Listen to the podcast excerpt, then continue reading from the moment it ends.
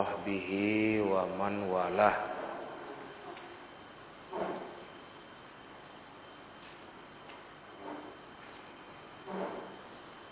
يقول الله تعالى إن الله وملائكته يصلون على النبي.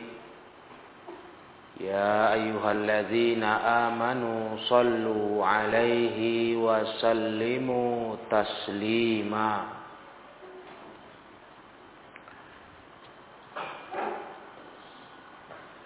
Sesungguhnya Allah dan malaikatnya bersolawat atas Nabi. Wahai orang-orang yang beriman, bersolawatlah kalian atas Nabi dan ucapkan salam. Salimu taslima. Ucapkan salam kepada beliau.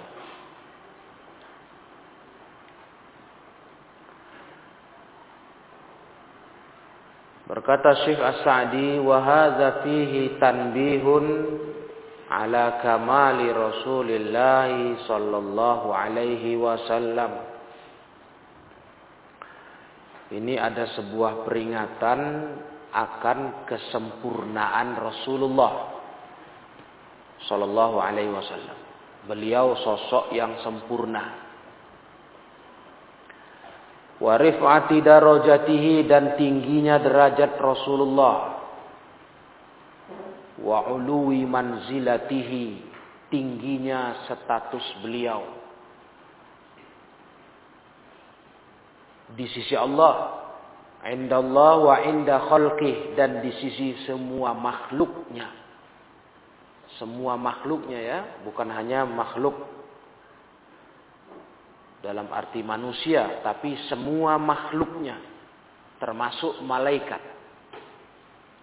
Rasul itu yang paling tinggi derajatnya, paling tinggi kedudukannya di sisi Allah dan di sisi semua makhluknya.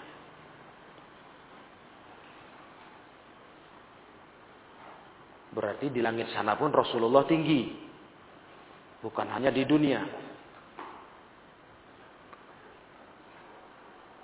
Kemudian warufi azikruhu diangkatlah penyebutan tentang Rasul wa inna Allah taala wa malaikatahu yusalluna alaihi bahwasanya Allah taala dan malaikatnya bersolawat kepada beliau. Apa arti bersolawat? Nah, harus paham kalian. Apa arti bersolawat kepada Nabi? Maknanya Ayyusnillahu alaihi Allah Ta'ala memuji beliau. Itu arti bersolawat, memuji.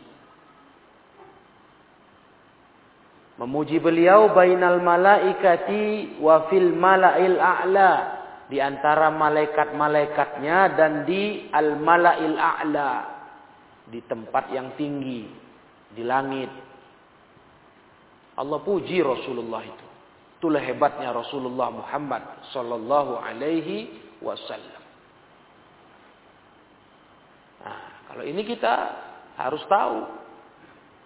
Ahlu sunnah yakin itu. Ya. Percaya ketinggian derajat Nabi. Beliau itu makhluk yang terpuji. Dipuji-puji Allah di depan malaikat di atas langit sana. Kenapa dipuji? Lima habbatihi ta'ala lahu. Karena Allah cinta kepada beliau. Beliau itu sangat dicintai Allah. Watasni alaihil malaikatul muqarrabun. Dan malaikat-malaikat pun memuji beliau. Malaikat yang mendekatkan diri kepada Allah. Itu memuji beliau. Wa yada'una lahu wa yatadarra'un mereka berdoa untuk Rasul dan mereka tunduk merendah diri di depan beliau. Itulah Rasulullah Muhammad wasallam. Hmm. Hebat betul beliau. Tapi tentu tidak lupa kita kehebatan beliau seperti ini bukan berarti beliau itu menjadi tandingan Allah. Beliau itu makhluk makhluk sebagaimana kita. Ciptaan Allah itu Rasulullah. Beliau tak punya kekuasaan seperti Allah. Soal derajat beliau sangat tinggi, sangat mulia. Nggak ada lawannya. Beliau yang paling derajatnya paling tinggi di sisi Allah tabaraka wa taala. Itu maknanya beliau sosok yang istimewa sebagai hamba. Dengar kalian, sebagai hamba makhluk Allah taala yang istimewa. Tetap makhluk ya. Paham Bukan beliau bukan sekutu Allah. Bukan. Makhluk. Makhluk paling mulia dibanding semua ciptaan Allah. Itulah Rasulullah Muhammad sallallahu alaihi wasallam. Maka Allah berkata, "Ya ayyuhalladzina amanu sallu alaihi wa sallimu taslima." Wahai orang-orang yang beriman, bersolawatlah kalian kepada Rasul dan ucapkan salam kepadanya. Karena Allah sendiri bersolawat kepada Rasul. Iya. Bersolawat atas Rasul. Semalaikat pun bersolawat. Ya kita pun bersolawatlah. Begitu. Itu perintah Allah. Iktida'un billahi wa malaikatihi. Sebagai bentuk meniru Allah dan malaikatnya. Umat Islam wajib terus bersolawat kepada Nabi Muhammad sallallahu alaihi wasallam. Wa jazaa'un lahu ala ba'di huquqihi alaikum sebagai balasan. Ya, sebagai balasan atas sebahagian hak-haknya atas kita, atas kalian. Wa takmilan li imanikum sebagai penyempurna iman kalian. Wa ta'ziman lahu sallallahu alaihi wasallam dan sebagai bentuk pengagungan terhadap beliau sallallahu alaihi wasallam. Paham Nah, jadi kita dikatakan bersolawat itu maknanya banyak. Banyak tujuannya. Jadi teringat ada orang menghujat solawat. Orang-orang kufar. Ada tulisan dia bilang apa? Itu buktinya Nabi kalian Muhammad bukanlah orang yang selamat. Disuruh umatnya mendoakan beliau. Dengan solawat. Sallallahu alaihi wasallam. Nah, tandanya dia bukan orang selamat. Nah, itu ada hujatan begitu tentang solawat. Tapi ya maklumlah, yang menghujatnya saja kafir busuk. Hah? Aduullah, musuh Allah, musuh agama. Nah, kalau kalian udah berilmu, kalian bisa bantah. Ucapan solawat kita kepada Nabi, doa kita untuk Nabi, pujian kita untuk Nabi, itulah guna solawat kan?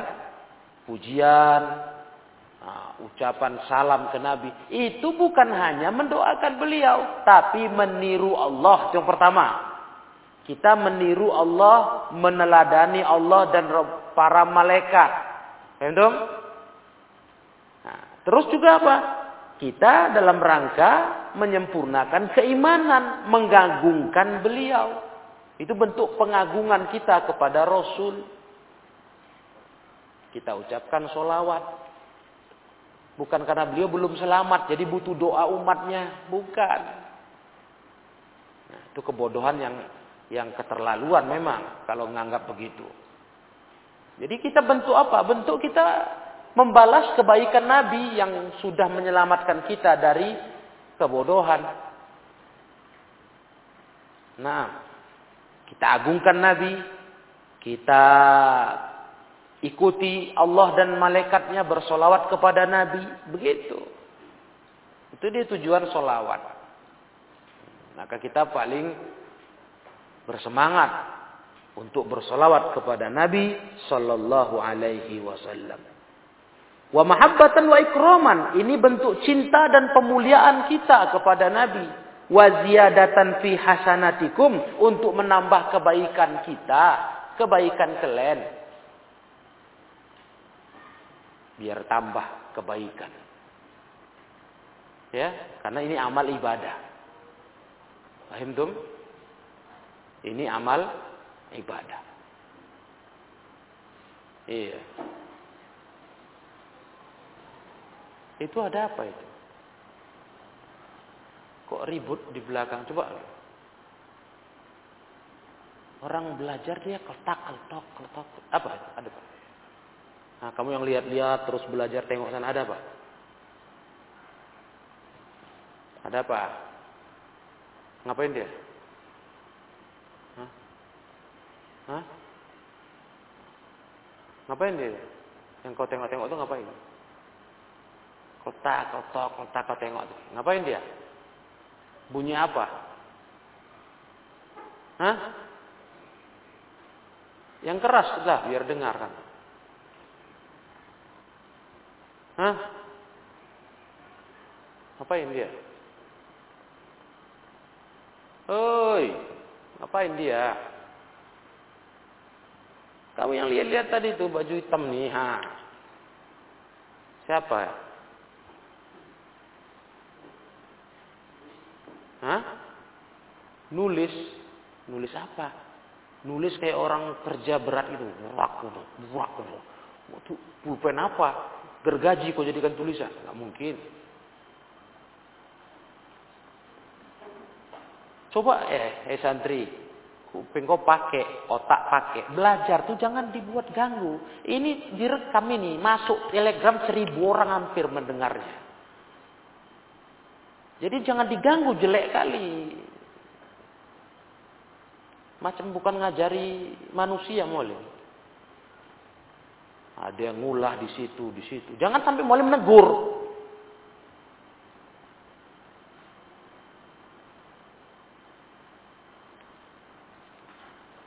Jangan beraktivitas, nanti boleh musir kau nanti. Kau di luar aja kau di tegak sana.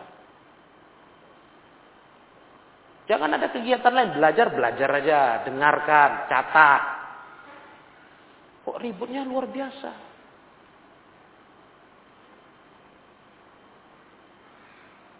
Apa dikerjainya? Nulis mana ada suaranya orang nulis. Kok belum paham juga lagi.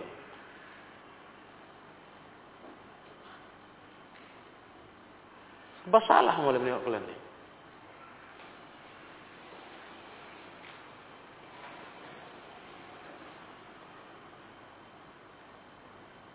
Nanti nggak belajar lagi, ngukumin aja lah, kayak bukan ngajar manusia.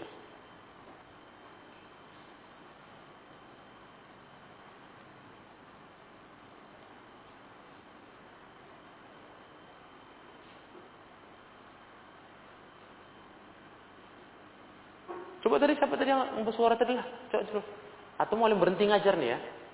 Siapa tadi yang bersuara? Bikin suara tadi ribut siapa? Diri.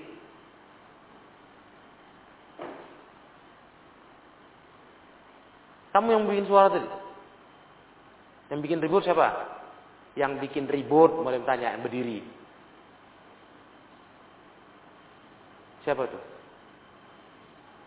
Siapa tuh? La haula wa la quwata illa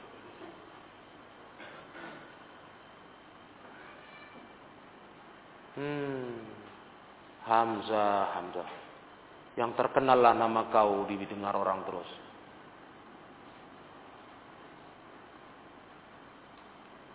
Orang butuh ilmu. Makanya mualim dulu diminta izin, diminta izin. Gimana boleh enggak untuk kajian santri ini di online kan, disebar. Dulu mualim enggak kasih karena mualim lihat kasihan pendengar sekian banyak itu. Malu juga kadang kok parah kali santrinya di pondok itu ya. Dongok kali kata orang dimarahi aja.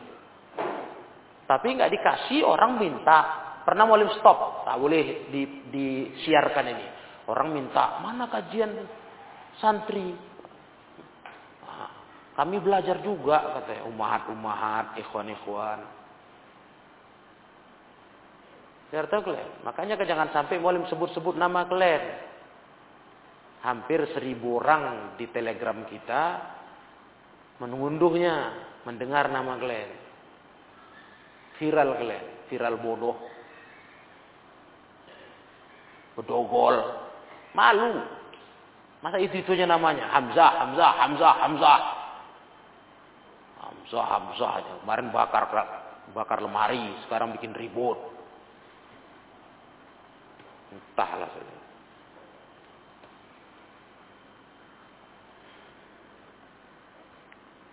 Merusak mood ngajar kalian ini.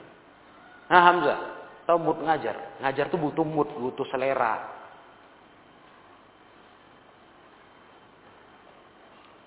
Bisa nggak tenang, tenang sampai siap belajar. Ada majelis itu. Didengarkan ilmu ini. Ini Quran ini loh yang dibaca. Kalamullah yang paling tinggi nilainya dari semua kitab yang ada.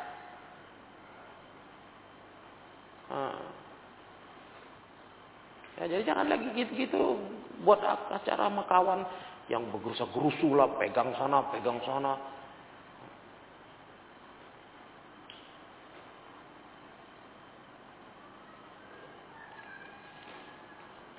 Nah ya dengan dasar ini pula lah, Mualim sering mantu.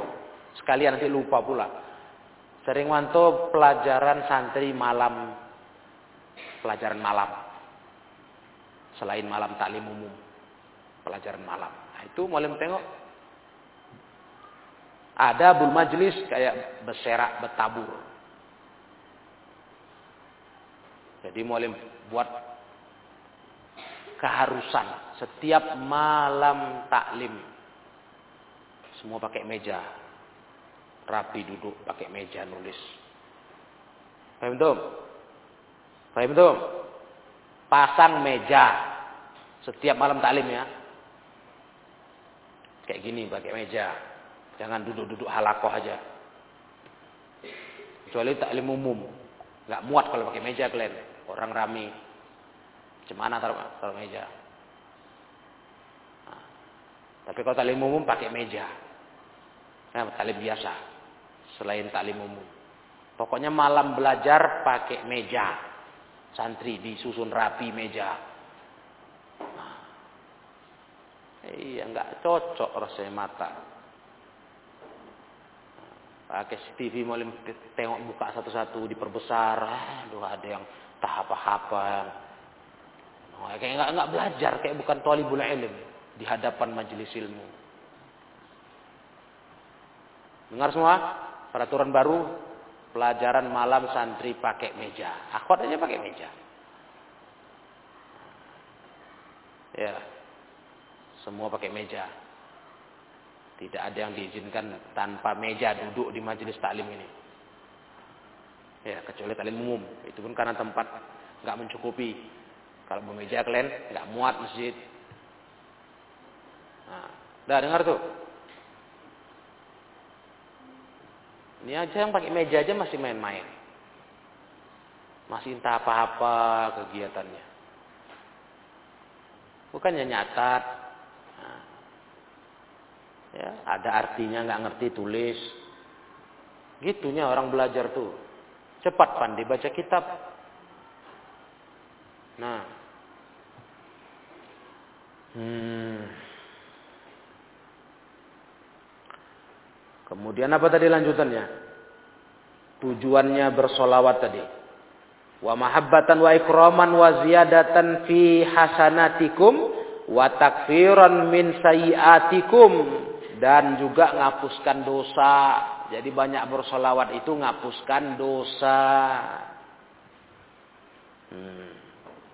Ada penghapusan dosa di situ untuk kita.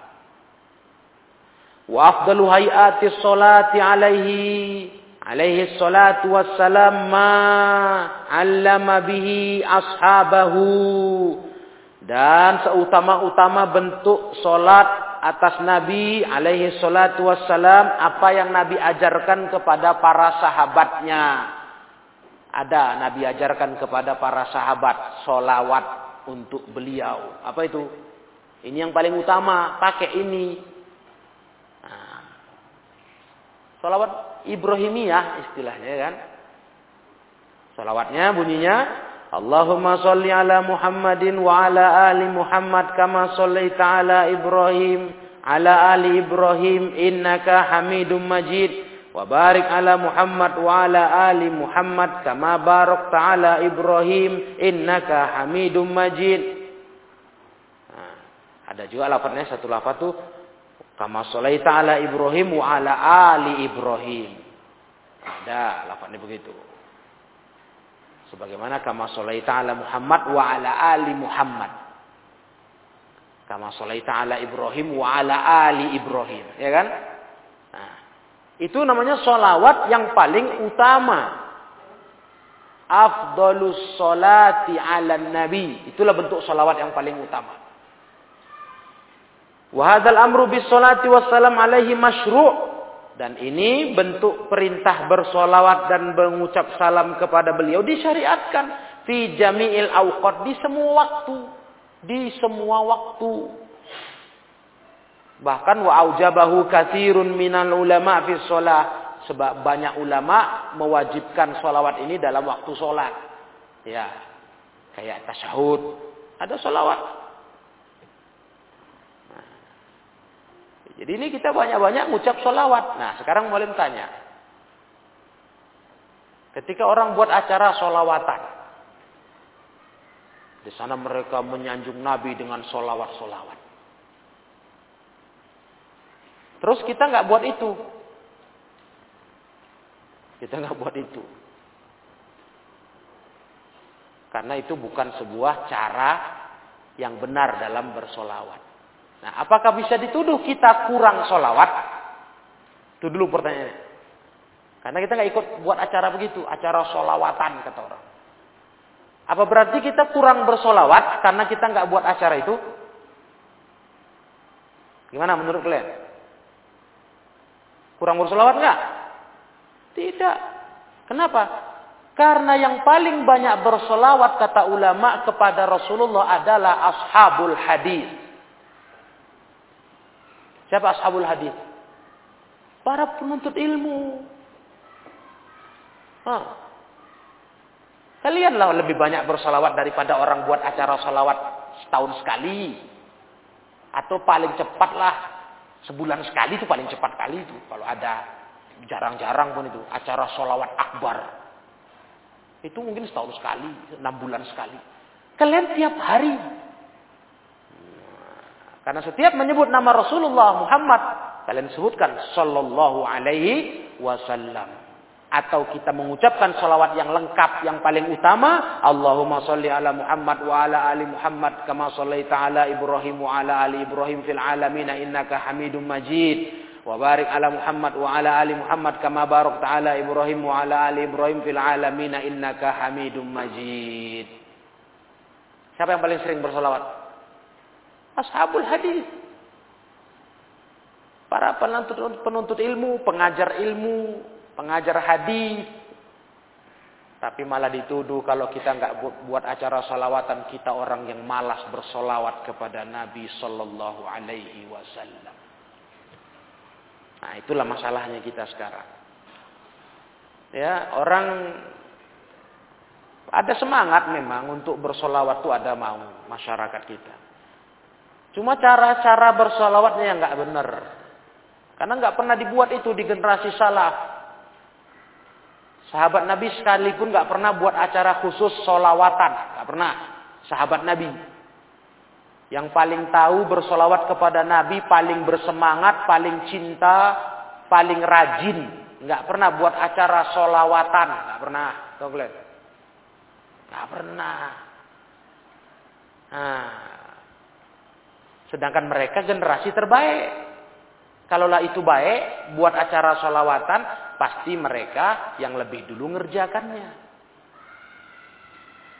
Jadi kita bersolawatnya bagaimana? Ya bersolawat saja. Tiap nama Nabi disebut, ucapkan solawat. Ya. Baik kalian menyebutnya langsung mulut kalian yang baca, atau kalian dengar orang lain yang menyebutnya. Kalian ucapkan solawat. Begitu ahlul hadis, ashabul hadis. Rajin bersolawat. Bukan mesti buat acara solawatan ya. Itu nggak ada tuntunan acara-acara begitu. Ditambah, nah ini lagi satu. Acara-acara seperti itu, itu berisikan solawat-solawat yang tidak diajarkan. Atau istilahnya solawat bid'iyah. Oh, solawat bid'iyah berarti solawat yang diada-adakan. Bid'ah. Iya. Solawat yang dikarang-karang, yang dibuat-buat dengan dalil kami cinta Nabi. Namanya solawat bid'iyah. Jadi isinya apa? Isinya ternyata menyanjung-nyanjung Nabi melebihi kedudukannya. Nah, seperti dulu pernah kita ambil contoh ngerinya isi solawat nariyah. Solawat nariyah namanya. Itu solawat terkenal itu di masyarakat. Bahkan dibuat kaligrafinya dalam bentuk tulisan dijual, disuruh tempel di rumah. Kenapa begitu? Karena keyakinan masyarakat kita, siapa baca solawat itu 4444 kali, perhatikan 4444 kali, 4444, nanti akan terpenuhilah hajatnya. Kalau dia minta apa pun dikabulkan. Kalau dia lagi susah di selamatkan. Wah. Itu keyakinan masyarakat. Maka banyak rumah beli itu pasang.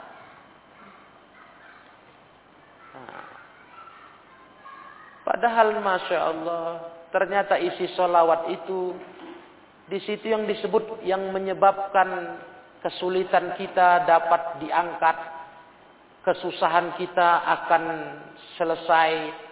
Hah? sakit kita akan sembuh. Itu Rasul dibilang di salawat itu, bukan Allah.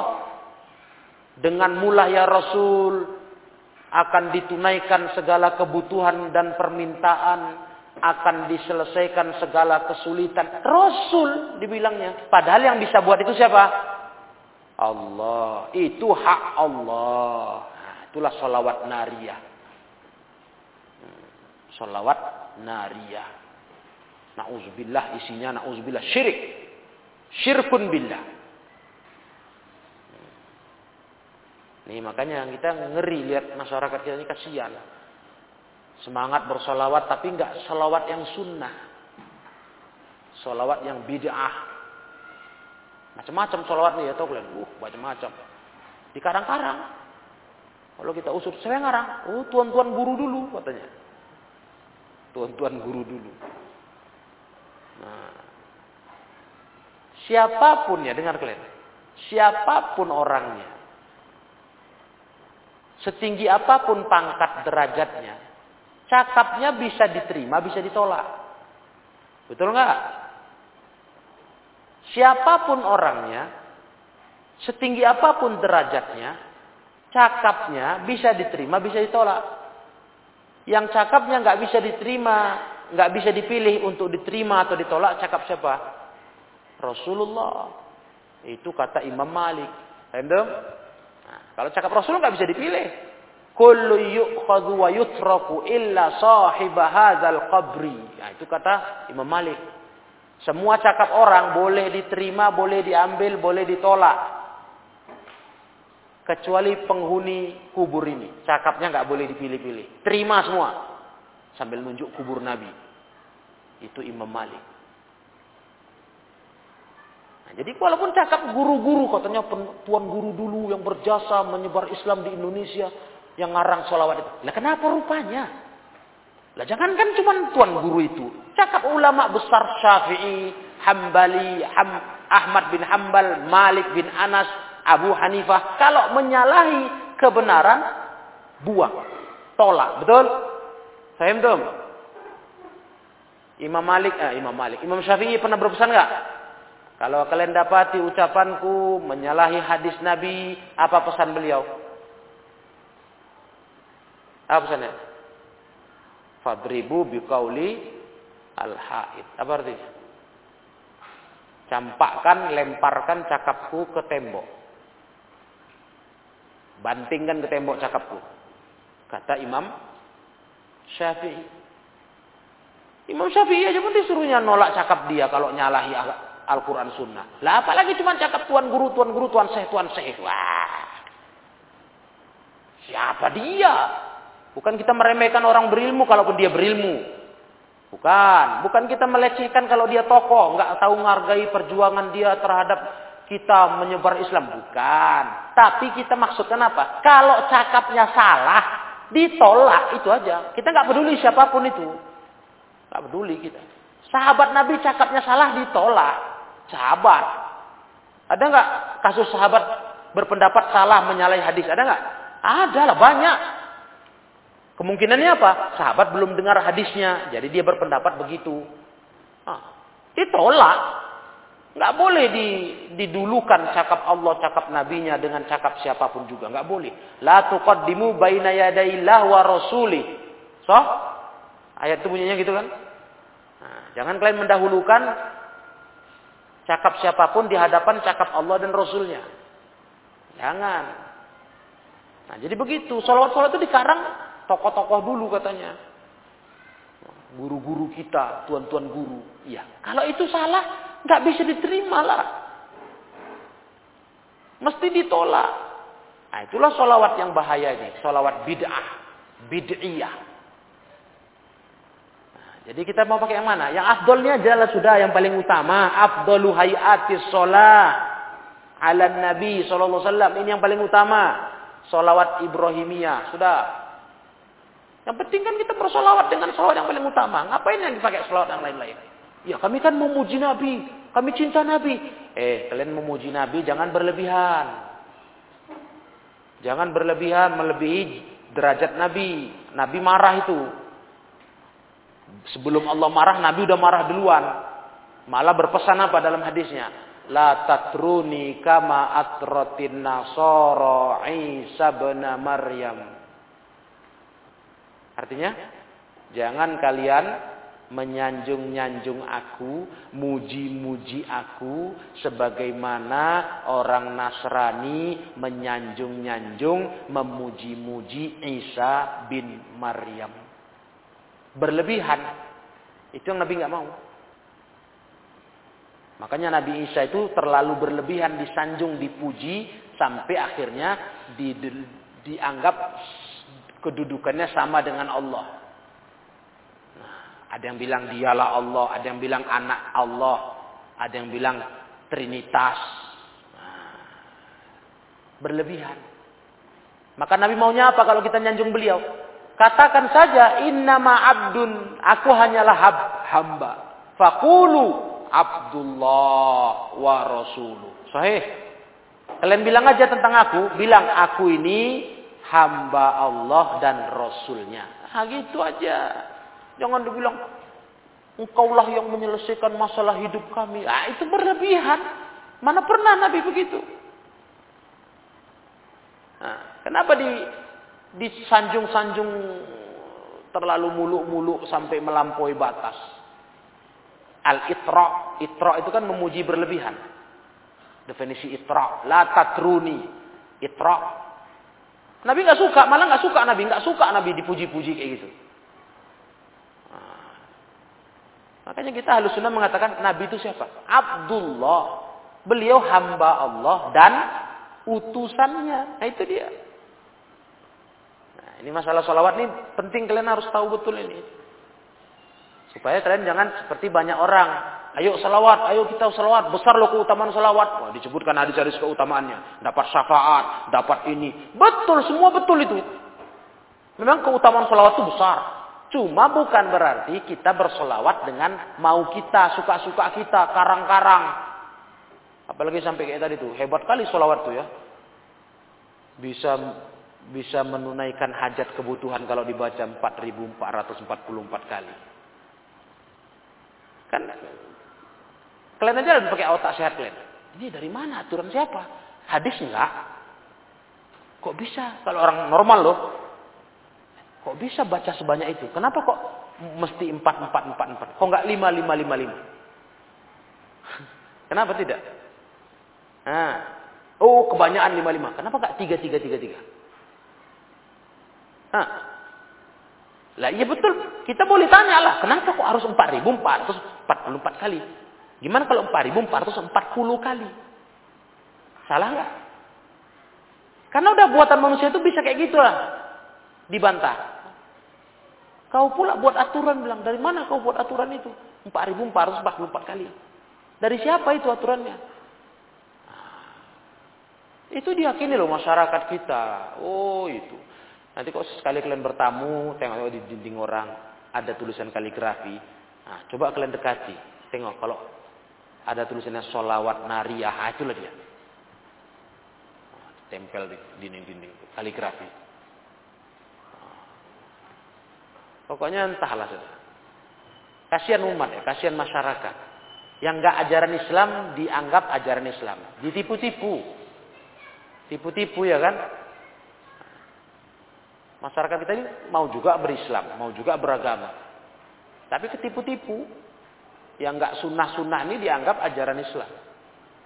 Nauzubillah min zalik. Dah, paham kalian ini? Jadi masalah solawat sudah jelas. Insya Allah ahlu sunnah orang yang paling rajin bersolawat kepada Nabi Shallallahu Alaihi Wasallam tentu dengan catatan solawat yang sunnah yang sunni jadi nggak repot-repot ngarang-ngarang solawat macam-macam ngafal-ngafal itu solawat itu aja pakai itu solawat itu yang paling utama itu dia nah, paling ringkasnya Shallallahu Alaihi Wasallam itu paling paling ringkas, paling panjang itulah tadi. Salawat Ibrahimiyah. Paham semua? Nah, ini penting ini. Udah banyak kali masyarakat kena. Jadi kalian jangan kena juga ya. Tertipu dengan ajakan bersolawat-solawat yang tidak sunnah. Innal yu'duna Allah wa rasulahu la'anahumullah fid dunya wal akhirah wa adda lahum azaban muhina. Sesungguhnya orang-orang yang menyakiti Allah dan Rasulnya. Allah melaknat mereka. Di dunia dan akhirat.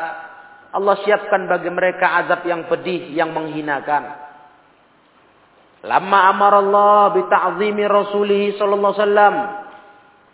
Wassalatu wassalam alaih. Ketika Allah memerintahkan mengagungkan Rasulnya sallallahu alaihi wasallam. Dan salawat dan salam atas beliau naha an aziyatih. Allah pun melarang untuk menyakiti Rasulullah. Wa tawa'ada 'alaiha. Allah ancam orang yang buat itu.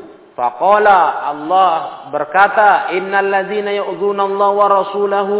Orang yang menyakiti Allah dan Rasulnya. Wa hadza yashmul kulla aziyah, qauliyatin aw fi'liyah. Ini mencakup semua yang menyakitkan beliau baik ucapan maupun perbuatan.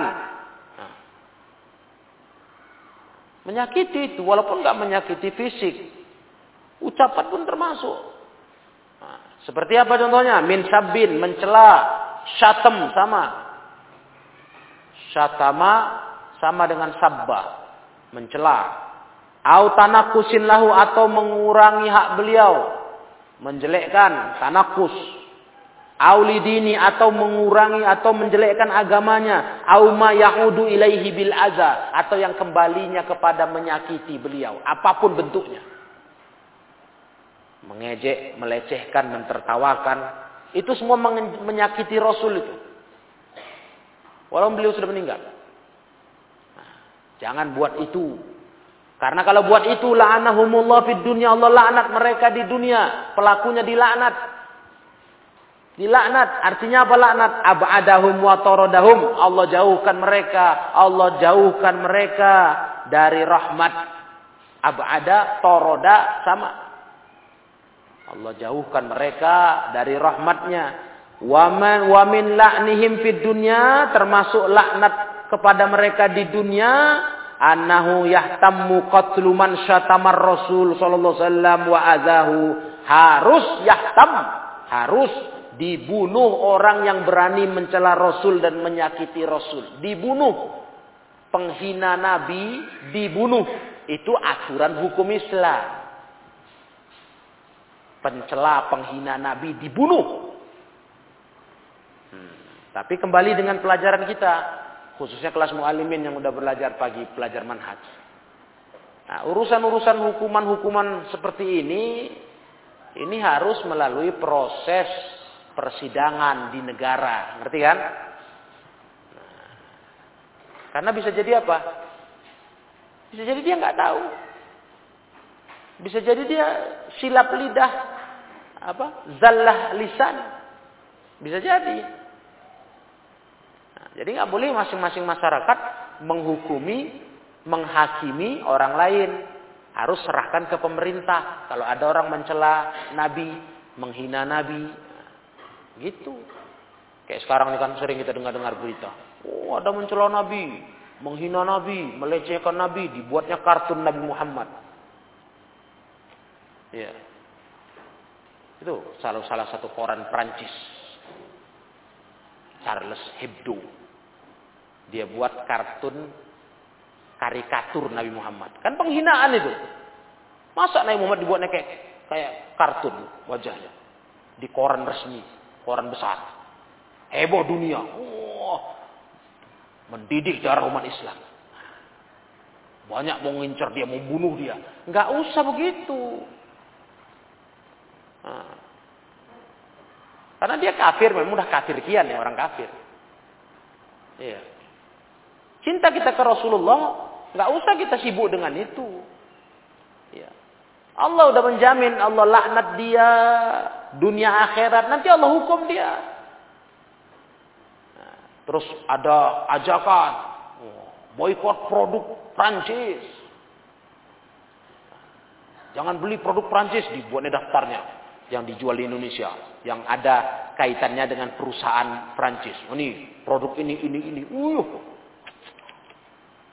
Ya Allah, kayak gitu kali lah manusia ini. Bukan begitu kalian caranya menghadapi para penghina Rasulullah sallallahu alaihi wasallam. Karena untuk menegakkan hukuman kepada mereka itu prosesnya ada. Nggak bisa kita suka-suka sendiri. Ditambah ternyata Allah juga menghukum dia. Udah selesai. Berapa belas tahun dia lolos. Saking ketakutan dia. Si pembuat karikatur Nabi ini. Hmm, ketakutan dia. Dia sepanjang hari dikawal. Ke mana-mana. Dikawal ketat. Eh tahu-tahu kemarin mati dia. Mati kenapa dia? Kecelakaan di jalan tol. Nyangkut mobilnya itu sama truk. Tabrakan pantatnya di sak nyangkut meledak mobilnya terbakar, sak truknya pun terbakar gara-gara nyangkut sama mobilnya. Orang nggak bisa nolong. Mati dia dan pengawalnya. Nah, udah selesai kan? Ngapain kita ribut-ribut? Nah, sampai ada tabli akbar boykot produk Prancis. Wah, ngapain? Nah, termasuklah sampai-sampai tuh kalian. Salah satu yang disuruh boykot, minuman aqua. Boykot itu produknya dari sana itu. Apa pendananya perusahaan besarnya Prancis. Minuman aqua. Oh, sampai betul-betul hebat tuh ajakan boykotnya. Sampai mulai pernah ke bengkel,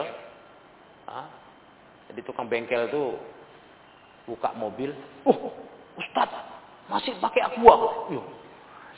Sampai tukang bengkel pun tahu. Kenapa bang? Kenapa kok pakai aqua? Ya ini kan produknya kafir ini. Perancis. Abang mau gratis? Maulah kata. Nah, pukul kepala kau nih bang. Pakai aqua nih. Akhirnya mintanya satu. Nah, Pak Ustaz, udahlah aku minta lah katanya. Ah, iya, kau aduh, jangan cerita lah. Dulu Amerika, Coca-Cola, Fanta, pokoknya produk Amerika jangan. Begitu dibagi gratis sama orang Coca-Cola, berebut, berantem, pijak-pijakan. Capek gitu nih orang bodoh-bodoh nih.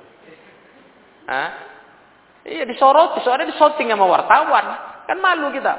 Demo anti Amerika, anti Prancis. Produknya kita jangan makan. Di balik tenda ada wartawan datang nyoroti Oh lagi pesta Coca-Cola. Wih, wih, Coca-Cola minum gratis. Rupanya kok gratis halal ya. Nggak anti dia. Kok beli baru. Main-main aja. Nah itu itu kalian nggak usah lagi itu. Itu udah. Itulah gunanya kalian belajar sunnah. Jadi nggak kayak gitu. Nggak terus diajak nanti. Oh, kau kan anak, anak pondokan kok. Ayo demonstrasi kita. Anti Amerika. Jangan makan pizza. Jangan makan ini. Jangan makan itu. Nah, Dunkin Donat. Di kantor ke rumah kau dikasih kok kemerondokan di kamar bahkan kau sendiri. Takut bawa bagi lagi sangat rakus ya. Kalau gratis kok rakus sekali kok produk orang itu. Nah itulah bentuk daripada penghinaan ke Nabi itu tadi. Panjang rentetannya. Panjang. Sampai ada seruan. Pakai merek lain. Wah. Jangan mana. Mungkin kalau dia nak taklim ke sini. Ada pula aqua di meja taklim apa enggak heboh dia. Wah ini enggak enggak semangat ini memboikot produknya kafir. Itu. Cemana? Enggak begitulah ya kan? Nabi SAW pun bermuamalah dengan kafir, ya kan? Bukan itu caranya, boykot sana, boykot sini. Kalau digratiskan kau telan juga. Dikirim ke rumahmu kau makan juga. Nah, jangan begitu, itu enggak enggak kerjaan orang berakal itu, ya. Nah, jadi kita begitu ahlu sunnah, kita cinta Nabi. Tahu kita harus dibunuh itu kalau ada hukum Islam. Nah, tapi kalau nggak ada ya sudah, biar Allah aja ngurus dia. Nah, nah nanti di akhirat wal akhirat yang ada lahum azabam muhina. Di akhirat Allah siapkan untuk mereka azab yang pedih. Jazaun lahu ala azab. Itu balasan atas gangguan mereka ke Nabi. Ayyu'za bil azabil alim. Nanti Allah balas dengan dia disakiti dengan azab yang pedih. Fa'aziyatul Rasul laisat ka'aziyati ghairi. Maka menyakiti Rasul itu enggak sama kayak menyakiti yang lain. Beda. Lebih parah kalau menyakiti Rasul itu hukumannya. Karena Rasul kedudukannya paling tinggi. Nah, Sallallahu sallallahu wasallam la yu'minul abdu billah. Karena beliau sallallahu alaihi wasallam tidak beriman seorang hamba kepada Allah. Hatta yu'mina bi rasulih sallallahu wasallam. Sampai dia beriman kepada rasulnya sallallahu wasallam. Walahu minat ta'zim. Dan ada bentuk pengagungan pada dia. Allazi huwa min lawazimil iman. Itulah termasuk konsekuensi keimanan. Tanda beriman ke Rasul apa? Mengagungkannya. Dimuliakanlah Rasul itu. Bukan dihina, diejek. Termasuklah yang kalian sudah belajar. Di antara pembatal keimanan, keislaman apa? Melecehkan sunnahnya. Sahih? Cuman itu tadi, kita nggak bisa main kafir-kafir aja. Nggak boleh. Oh, dia ngejek, dia mengejek sunnah Nabi. Jangan dikafir-kafirkan aja. Mungkin dia bodoh kali. Belum tahu ilmu. Ya, mentertawakan jenggot misalnya. Kan bahaya kali itu. Kalau kita udah berilmu kan ngeri dengan orang mentertawakan jenggot. Berani bilang kayak kambing. Berarti dia mau hilangin Nabi itu. Kalau dia berani jujur. Karena yang paling berjenggot, yang ngajari berjenggot itu Nabi. Dan Nabi jenggotnya paling lebat. Betul? Kasiful liha. Kasiful liha. Tebal jenggot beliau. Saking beliau tebalnya itu kalau wudhu harus di sela-sela airnya. Biar kena dagunya. Karena tebal kali. Berani-berani ada orang mentertawakan jenggot. Ada seorang tokoh di Indonesia ini, tokoh organisasi, bilang, saya saya perhatikan orang-orang jenggot ini rata-rata orang bodoh. Ya Allah ya Rabbi. Oh, busuk berulat mulut kau nanti bilang. Ya. Enggak takut sama Allah ini manusia itu. Berulat mulut kau nanti, belatung nanti keluar dari mulut kau. Busuk kau nanti. Ya, saya tengok kalau orang pintar tengoklah enggak berjenggot. Astagfirullah. Kalau orang orang bodoh tuh banyak kurang ilmu itu berjenggot. Yuh. Kau nggak tahu Nabi, kau tokoh Islam, katanya tokoh Islam. Ketua organisasi besar. Jadi nggak tahu kau sama ilmu Muhammadiyah. Nabi itu kayak mana rupa wajahnya yang gantengnya luar biasa itu.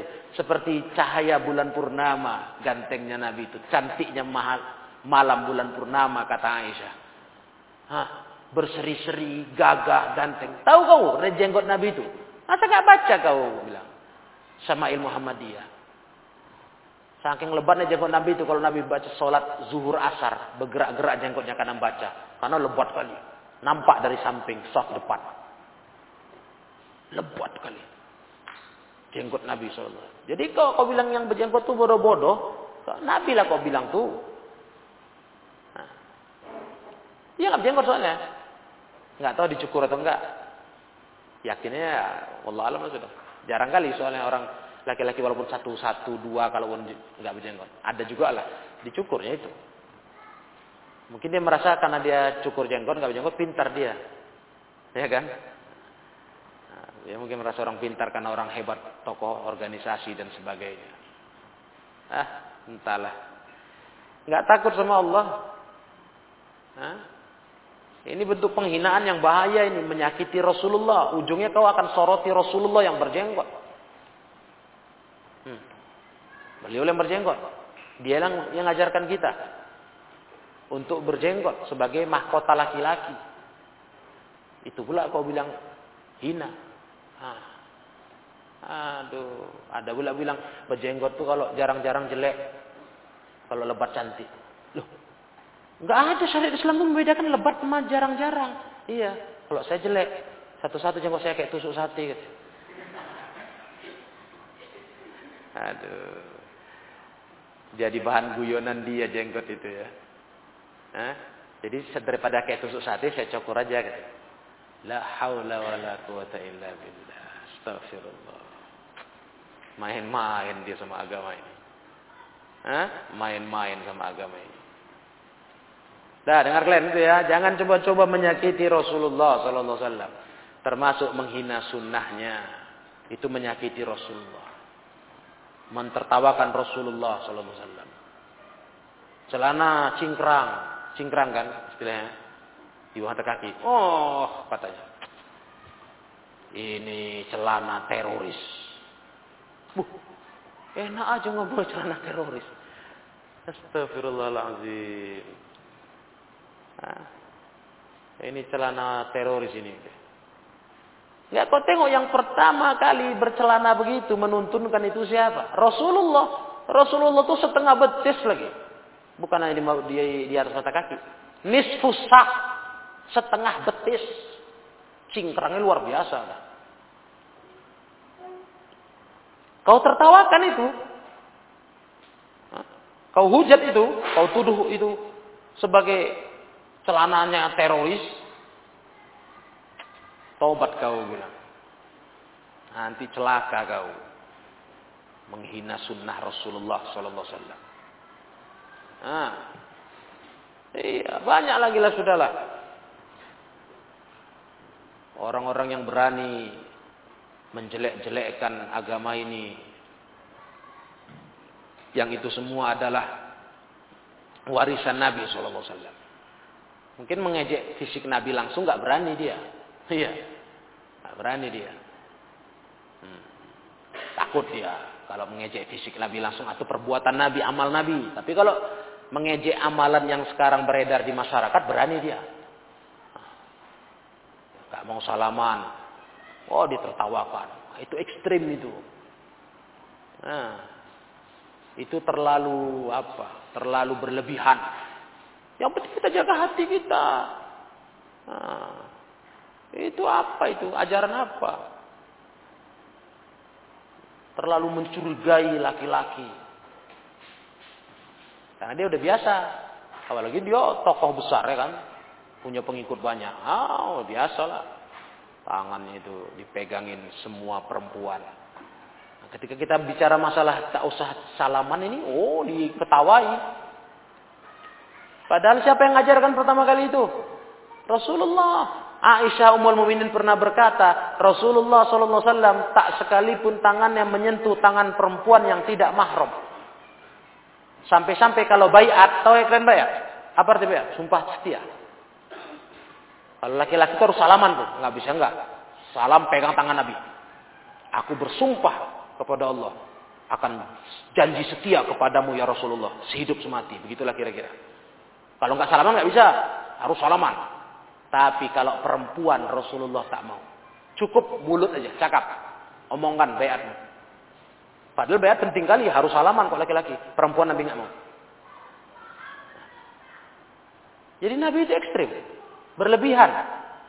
Keterlaluan. Aduh. Asal-asal aja ini. Zaman kita ini udah kacau balau ini. Orang suka-suka hati orang aja. Dia mau ngujat Nabi nggak berani. Dihujatnya ajarannya.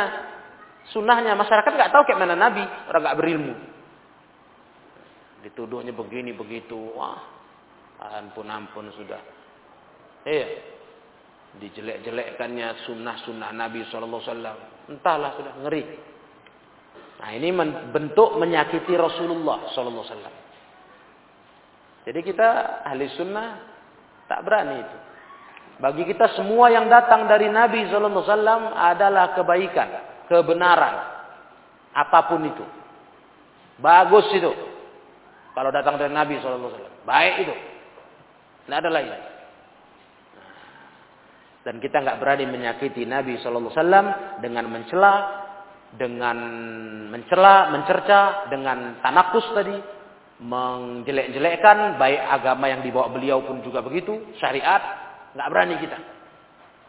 Nah, iya. Dan malah kita berusaha mengamalkan. Itu berusaha kita mengamalkannya. Jangan kita malah menyerangnya, membencinya, mengamalkannya. Kelas? Paham dong? Baik. Nah, jadi ini pelajaran kita nah, ayat 3 57 56 sampai 57. Hmm. Dua ayat ya. Hmm. Nah, Wallahu alam bisawab. Nah, masalah celana tadi. Cingkrang dan nah, ini ini pelanggaran syariat ini. Harus ada penertiban. Hah? Sekarang santri udah banyak pakai celana ketat ya.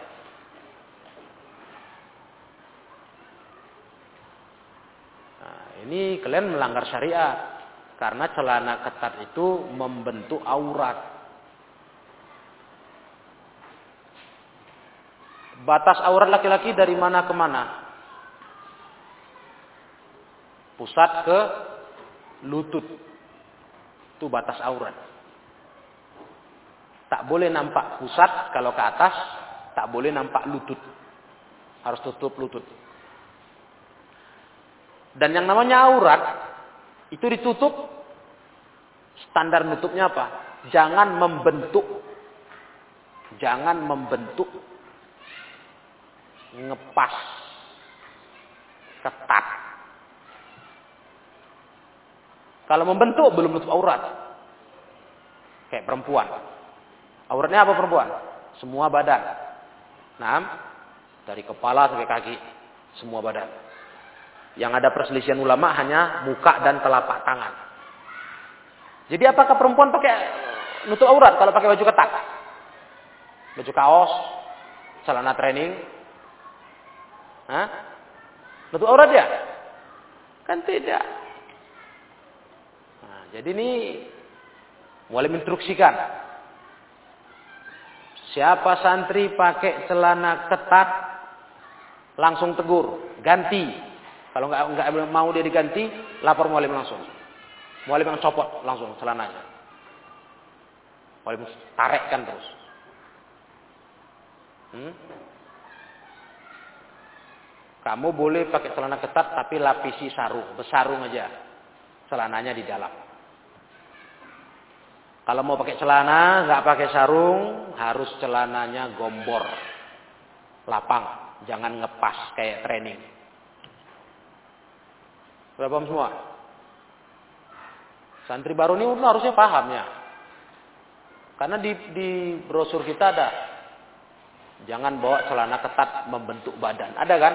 Di brosur penerimaan. Jadi, yang ada celana ketat sekarang simpan. Nanti datang walimu pulangkan. Ganti celana lapang, longgar. Belum ada lapis sarung. Ya, Kalau ada yang buat gitu langsung tegur. Siapa pun dari kalian tegur. Eh ganti kau. Enggak mau ganti, custom boleh langsung. Boleh siapkan gunting langsung boleh sobek langsung. Nah. Sudah ya. Masalah celana ketat udah ditegakkan peraturannya sebagaimana semula dilarang. Nah, karena itu aurat. Aurat itu.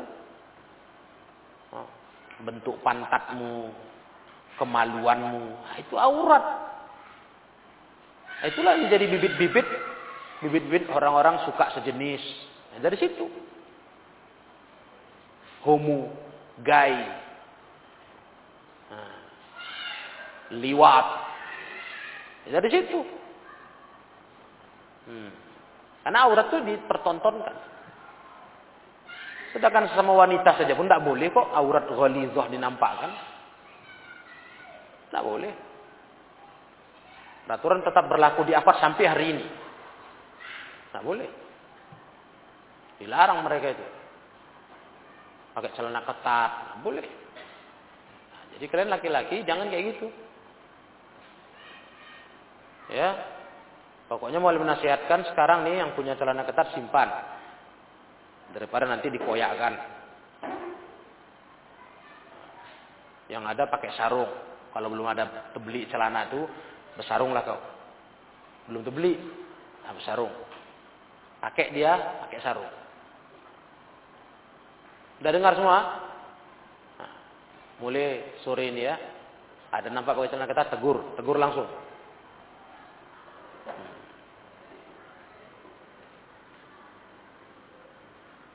Ya Ali, mana Ali? Ali Al-Qadir. Kamu selasa katanya keluar-keluar tempat ajo lagi.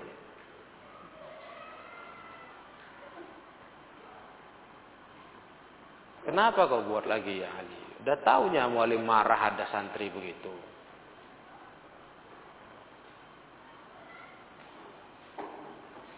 Hah? Coba jawab dulu, kenapa kau buat lagi?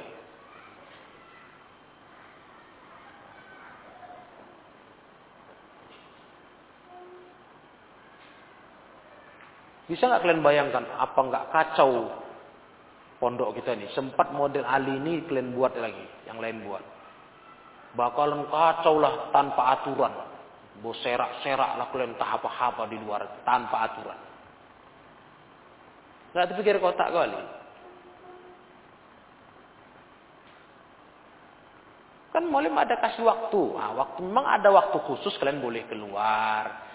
Batas sampai tempat ajo batasnya hari Jumat. Nah, jajanlah. Ada peraturan supaya tertib. Kalau sempat ini nggak ada aturannya, ampun lah sudah. Nggak karu-karuan lah gang wakaf nih.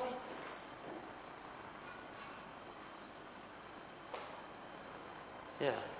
Kok tadi santrinya cuma kau Ali, atau ada Ali kedua kayak kau, nggak apa-apa. Nggak heboh suasana gang wakaf nih kau keluar-keluar dua ekor aja kau. Ini sekian banyak kawanmu ini. Apa nggak rusuh jadinya? Jadi pahami itu dibuat peraturan itu bukan nggak masuk akal, masuk akal peraturan itu supaya terjaga ketertiban. Kalau enggak ya kacau lah, enggak karu-karuan, sempat bebas, udah enggak karu-karuan lah udah.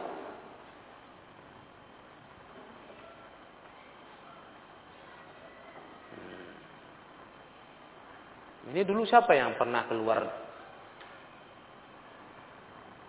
Mualim udah larang di majelis ini. Siapa sebelum ini? Siapa? Abid sama dua waktu itu. Rais. Saya boleh bertanya, waktu Abid Rais ini ditegur, Ali hadir gak? Tahu nggak dia?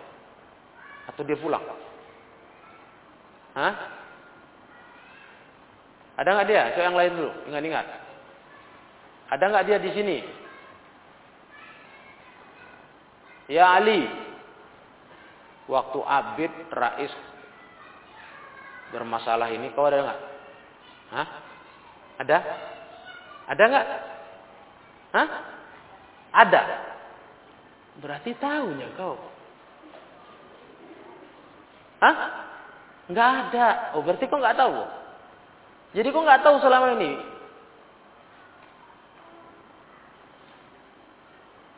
Ada kawan keluar kena hukuman. Dan enggak boleh keluar gerbang kalau enggak ada izin dan keperluan mendadak. Hmm. Jadi bukan suka-suka hati dia keluyur sana keluyur sini ya kau ini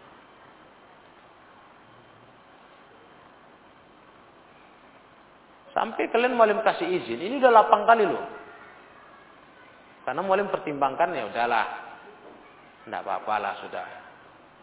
Asal nggak mengganggu kedisiplinan. Kayak wali kalian datang. Di mana pendidikan punya aturan jam bertamu mau jumpa anak? Ketat. Malah semasa-masa COVID ini ada pesantren-pesantren buat peraturan tiga bulan pertama nggak boleh nengok anak sejak masuk. Kalau maling berpikir apa masalahnya? Karena banyak juga ada wali-wali yang ketakutan kalian kena virus COVID kemarin tuh. Banyak itu kan aja Ustaz, jangan kasih orang lain masuk loh. Kenapa begitu? Ya nanti orang luar bawa virus. Lah saya tiap hari ke pajak bawa virus.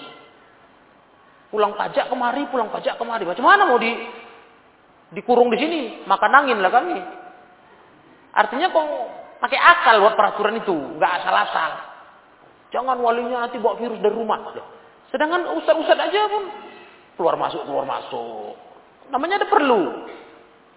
Ah, dari luar juga ya semuanya.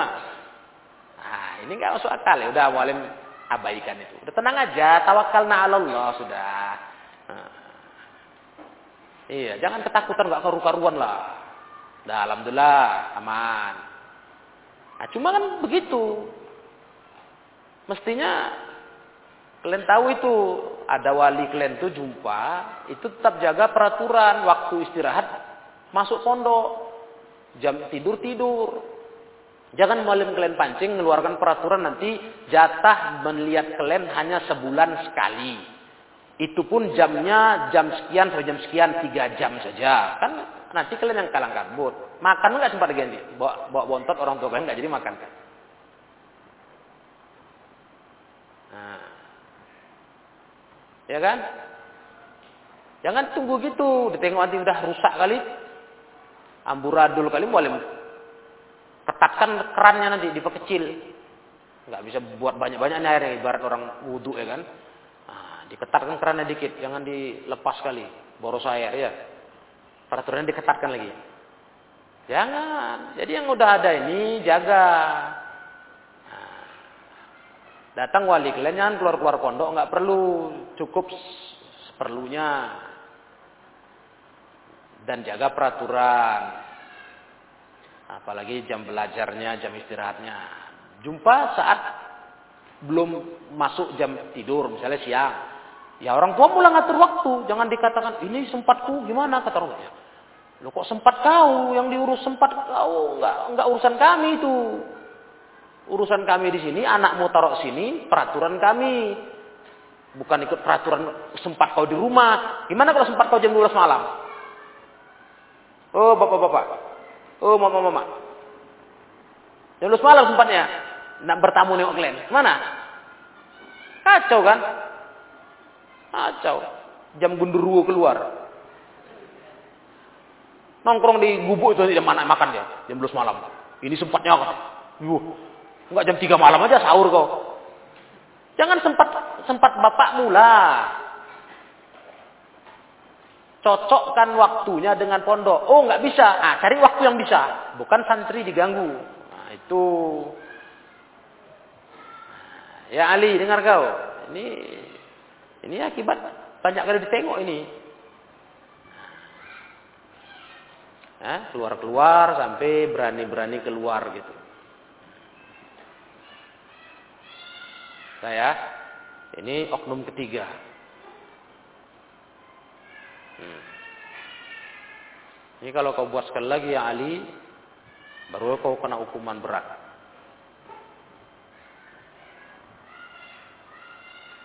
Ya. Buat lagi, boleh hukum kau lagi. Termasuk yang dua lagi itu. Kalau buat lagi. Dan termasuk yang lain. Hmm. Ilahuna.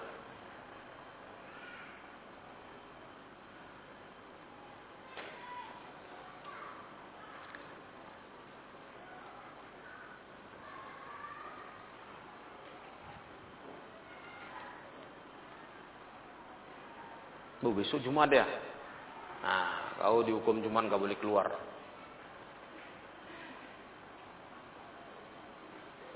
Hukumannya gak berat kok. Cuman gak boleh keluar. Hmm? Di sini aja main-main di sini di halaman sini. Tak boleh keluar ke lapangan. Main bola atau jajan keluar. Ya.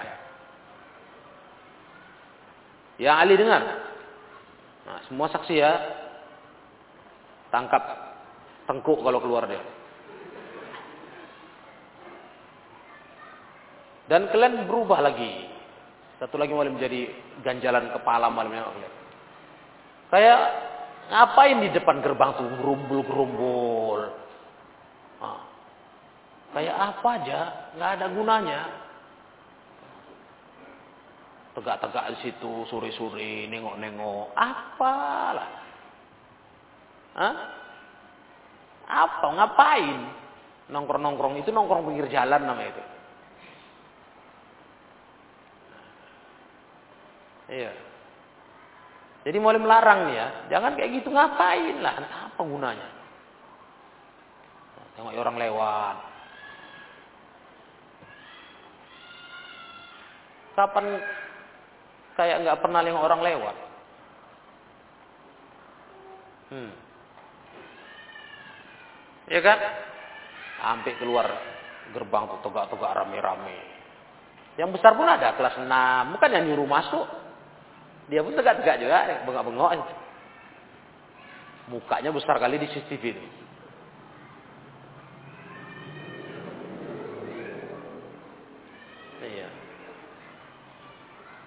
Dah ya? Ilahuna subhanakallahumma wa bihamdik asyhadu an la ilaha illa anta astaghfiruka wa atubu ilaik walhamdulillahi rabbil alamin.